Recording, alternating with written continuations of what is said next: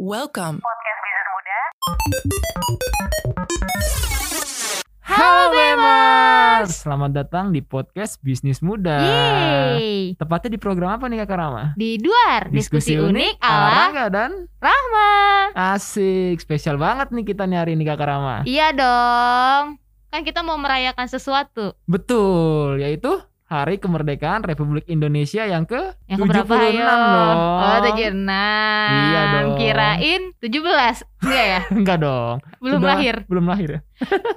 Yeay, selamat hari kemerdekaan ya, Bemers. Udah dua kali nih ya Hari Kemerdekaan dirayakan di tengah pandemi nih Kak Rama. Iya ya, nggak nge lagi gue ternyata bener ya kita masih harus merayakan itu. Masih. Tapi jangan sampai hilang semangat dong, Bemers. Harus tetap semangat. Merdeka. Yeay. Nah, di episode kali ini Bemers kita disponsori oleh Ayo, banyak nih. Ada dari Telkom Sigma ada dari Bank Tabungan Negara Persero TBK. dan ada juga dari PT PLN Persero. Oke, luar biasa nih kita ya. Iya dong. Sering-sering nih yang kayak gini-gini nih. Iya nih kita suka nih yang kayak gini-gini. Udah di Asik. hari kemerdekaan makin semangat dong. Oke dong, harus dong, tetap semangat. Nah. Ih, bareng. lagi momen 17-an nih, Ga. Kan Iya. lagi pandemi nih. Lu Betul. apa yang ada nggak momen tuh? yang lo kangenin gitu? Kira-kira apa, Ga? Wah, ada banget dong. Yang pertama itu pastinya lomba-lomba ya. Ih, iya sih. Ya nggak sih? Duh, lagi Dulu tuh pandemi gini lomba apa? sebelum pandemi itu kan banyak eh mungkin ya kalau di rumah gua kan kampung ya. Di kampung-kampung itu Oke. tuh lomba-lomba apa? Makan kerupuk, balap karung. Pokoknya hype-nya tuh mantep lah. Vibe-nya tuh luar biasa gitu. Orang-orang tuh pada semangat. Oke, berarti emang di tempatnya Rangga tuh ini Bemers kayak kebersamaan antar warganya tuh kuat banget. Bener. Nah kayak gitu kan jadi lebih ada rasa gotong royong, ya kan? Asik. Dari momen-momen kita gimana caranya buat acara, itu wah Iya. kangen banget sih. Kadang suka ada pensi-pensi. Oh iya, keren Iya. juga kampung lo. Lah, pokoknya main dah ke kampung gua Kakak Rama. Iya, Bemers juga tuh ajakin dong main ke kampung lo. Yes. Nah, karena sekarang eh, hari kemerdekaan masih dirayakan di tengah pandemi nih Kakak Rama. Iya. Kira-kira kalau Kakak Rama nih memaknai hari kemerdekaan di tengah pandemi ini seperti apa nih? Nah, itu dia. Merdeka itu sebenarnya nggak harus lomba langsung juga sih. Ya mungkin kangen juga ya. Kayak misalnya eh, kita harus lomba eh, apa sih kayak balap karung itu kan seru banget. Bener.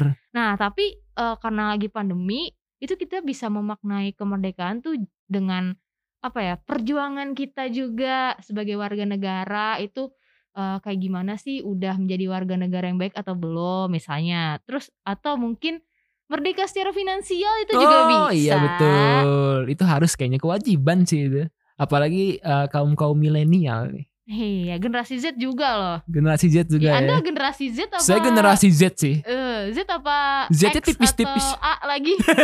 Balik lagi ke A. Oke. Nah. Kalau lo kayak gimana gak? Kalau gua nih Kakak Rama nih, kalau Hmm. misalnya memaknai hari kemerdekaan di tengah pandemi kayak gini kan, salah satunya ya bisa di rumah aja juga sebenarnya itu bisa memaknai dengan kita mungkin lebih ya kita bisa berdoa untuk mengupayakan bagaimana pandemi ini cepat kelar. Iya. Terus di rumah aja kan itu salah satu cara juga untuk eh, mempe- apa meminimalisir penyebaran virus. Iya. Itu kan eh, bisa apa ya? Memaknai kemerdekaan sekarang ya seperti itu ya bisa gitu loh maksudnya. berjuang untuk negara kita sendiri ya Betul. supaya eh, pandemi di negara kita tuh juga cepat selesai. Iya.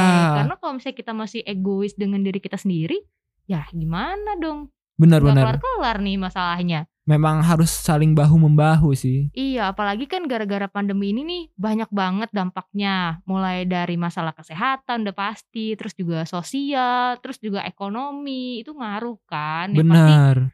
kita ngerasain lah semuanya, nggak cuman berbagai kalangan doang gitu. Nah, dari pemerintah sendiri sebenarnya kan udah berupaya nih, Kakak Rama ya, Mm-mm. untuk menyehatkan negeri serta memulihkan ekonomi di negeri tercinta ini. Oke, misalnya, Yang pertama nih, mm-mm. eh, kita di harus mematuhi protokol kesehatan. Yang 5M itu loh, eh, memakai masker, Mm-mm. menjaga jarak, oke mencuci tangan. mencuci tangan, mengurangi mobilitas, dan mengurangi kerumunan. Asik. Keren nggak? Keren dong. Harus jadi brand ambassador nih. yang jelas kita harus eh, mematuhi protokol kesehatan ya, Betul. Itu udah satu bentuk benar kata Rangga tadi, bentuk perjuangan kita melawan pandemi. Gitu. Terus juga satu lagi nih, Ga. Apa tuh? Vaksinasi. Yes, betul, tepat sekali. Betul apa tepat sekali? Ya pokoknya udah betul tepat lah. Karena dengan kita vaksin itu kayak kita juga berjuang gitu untuk eh, namanya melawan pandemi di negeri kita ini. Betul. Karena- Kan ya masa kita masih egois sih nggak mau divaksin. Kalau misalnya daya tahan eh, kita masih lemah gitu ya terhadap virus juga ya nanti ngomel-ngomel misalnya nyalain perintah misalnya atau mungkin nyalahin siapa tuh yang di medsos lah marah-marah atau Oh, apa iya, ya iya, iya. mending vaksin dulu aja lah ya vaksin dulu aja. Eh, s- apa ya namanya? Kalau vaksin itu kan kita juga bisa meminimalisir penyebaran juga, terus imun kita juga eh, bisa lebih kebal lah, setidaknya sama eh, virus ini. Dan sebenarnya nggak ada salahnya juga kan kita vaksin gitu loh maksudnya. Iya, lagian juga pemerintah kita kan udah nyediain banyak fasilitas untuk Betul. vaksin gak sih? Bahkan gratis. Iya, gampang juga gak sih kalian tuh nyarinya. Jadi ya ampun kapan lagi gitu kan. Mumpung ada fasilitas juga yang disediakan oleh negara ya. Ayo dong Why not rame-rame. gitu loh. Iya, betul banget. Terus Nah, juga apalagi Terus ada ini, pemerintah juga sebenarnya ketika lagi pandemi ini eh, banyak sering eh, menyalurkan bantuan-bantuan sosial gak? Iya. seperti sembako mm-mm. atau uang. Iya, bener banget. Bener kan? Sama insentif juga tuh gak? Yes, insentif pekerja ya para pekerja ya. Iya, sama subsidi listrik jangan lupa. Benar. Itu membantu banget. Itu jujur aja ya, gue kena potongan tuh kakak Rama lumayan. Oh iya. Iya. Wah, lumayan alhamdulillah. Alhamdulillah sering-sering ya. Karena kan ya emang eh, di kondisi pandemi ini seperti yang dibilang di awal tadi bahwa kondisi ekonomi itu menjadi eh, salah satu yang disorot juga Bener. eh, sebagai dampak dari pandemi. Jadi ya insentif-insentif dari pemerintah seperti subsidi listrik, kemudian insentif untuk para pekerja itu cukup membantu ya. Sangat amat sih. Sangat amat ya.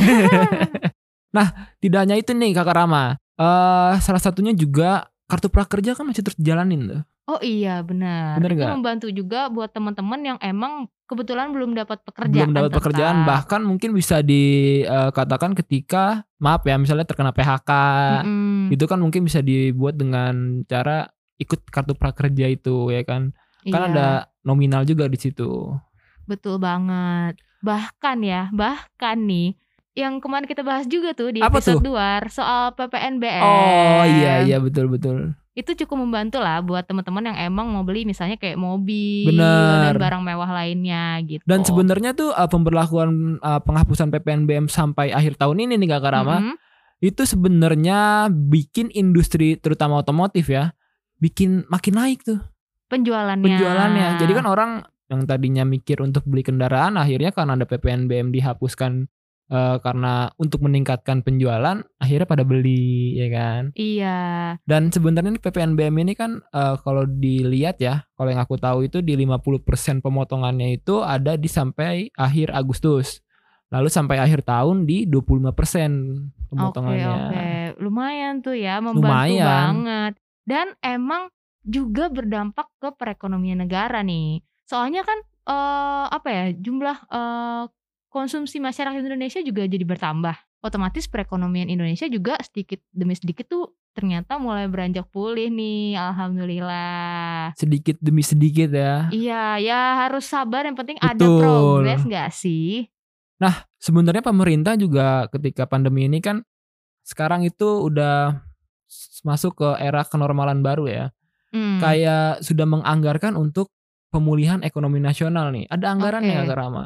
Berapa Yang tuh, dikucurkan itu senilai 600 triliun rupiah. Oke, itu banyak loh. Banyak ya.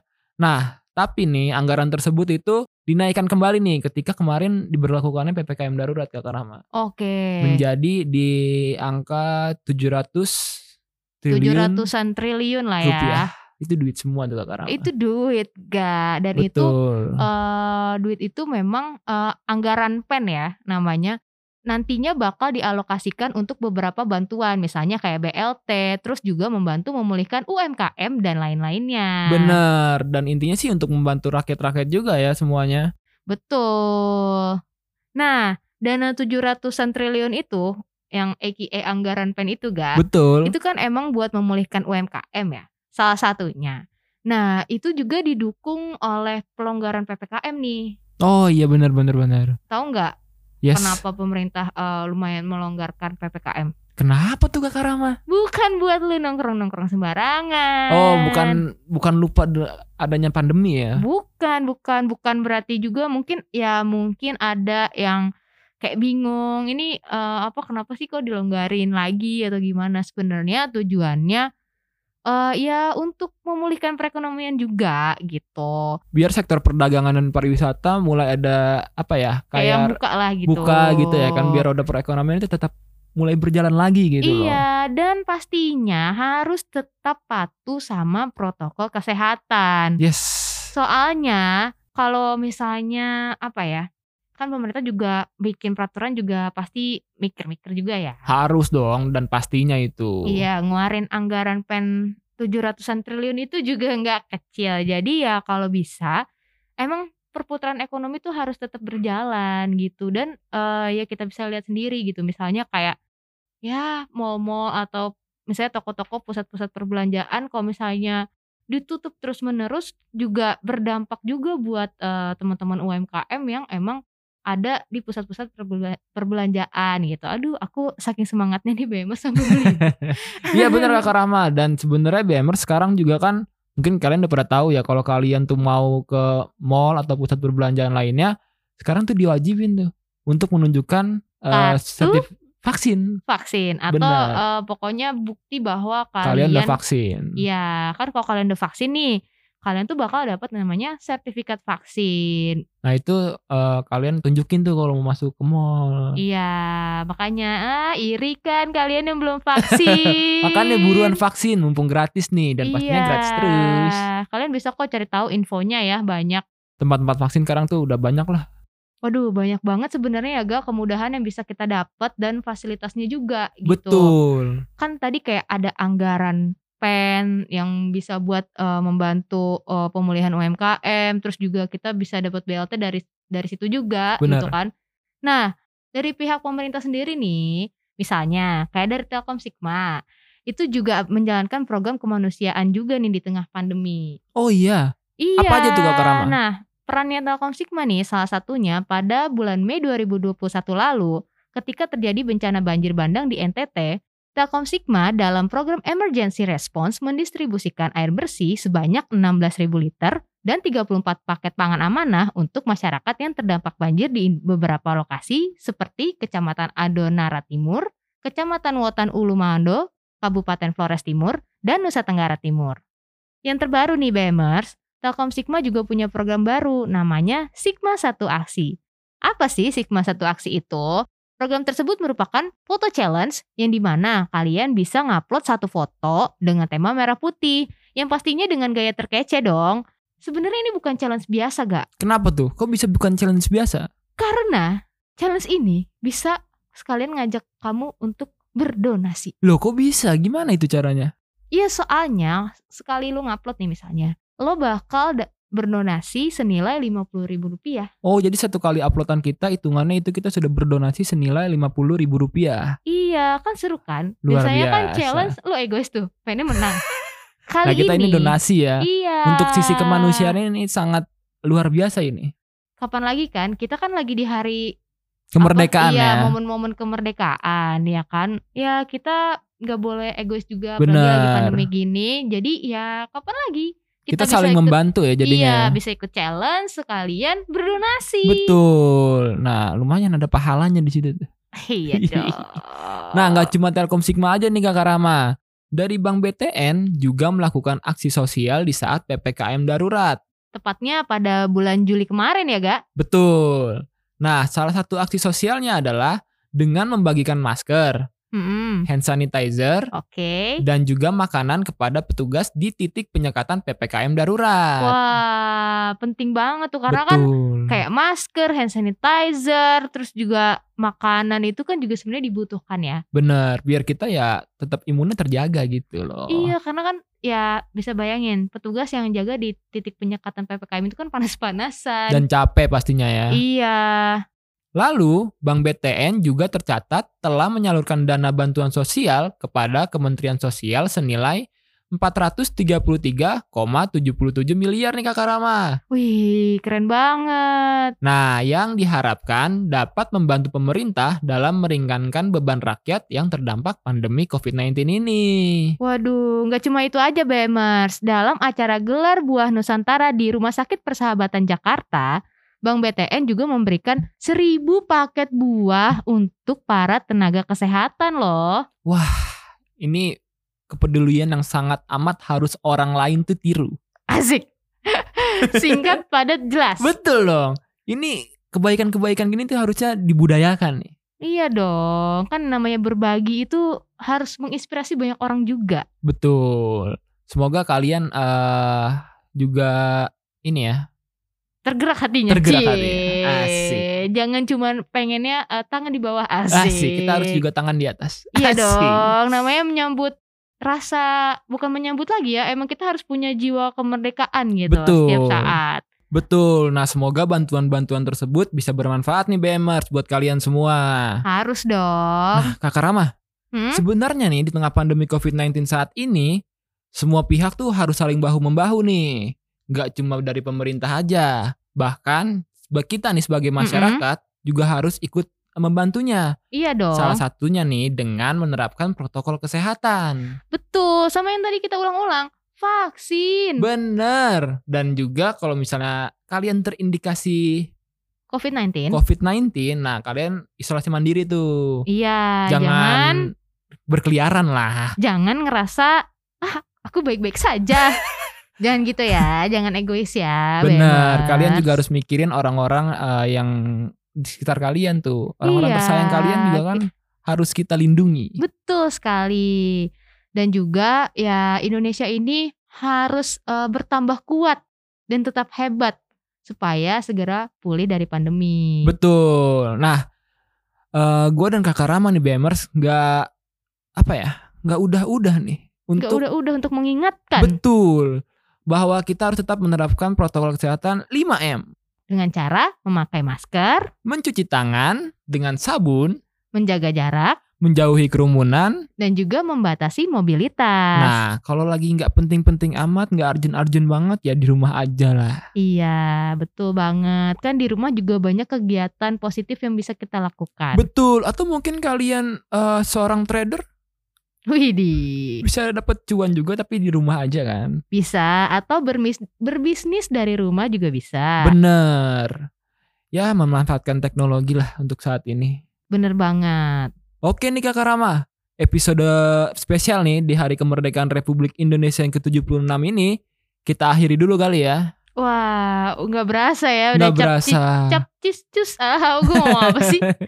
Dan eh, pokoknya buat kalian yang masih menjalankan hidup di tengah pandemi ini, Wih. tetap semangat, jangan menyerah. Kita semua bisa, kita lakukan bersama-sama. asik. Ya, pokoknya sekian dulu ya podcast bisnis muda kali ini, BMers. Dan terima kasih nih sekali lagi kepada PT Bank Tabungan Negara Persero TBK PT PLN Persero. dan Telkom Sigma yang sudah ikut serta mendukung berjalannya program podcast bisnis muda ini. Nah, sampai jumpa di episode lainnya ya, BMers. Merdeka! Podcast bisnis muda. Thank you very much.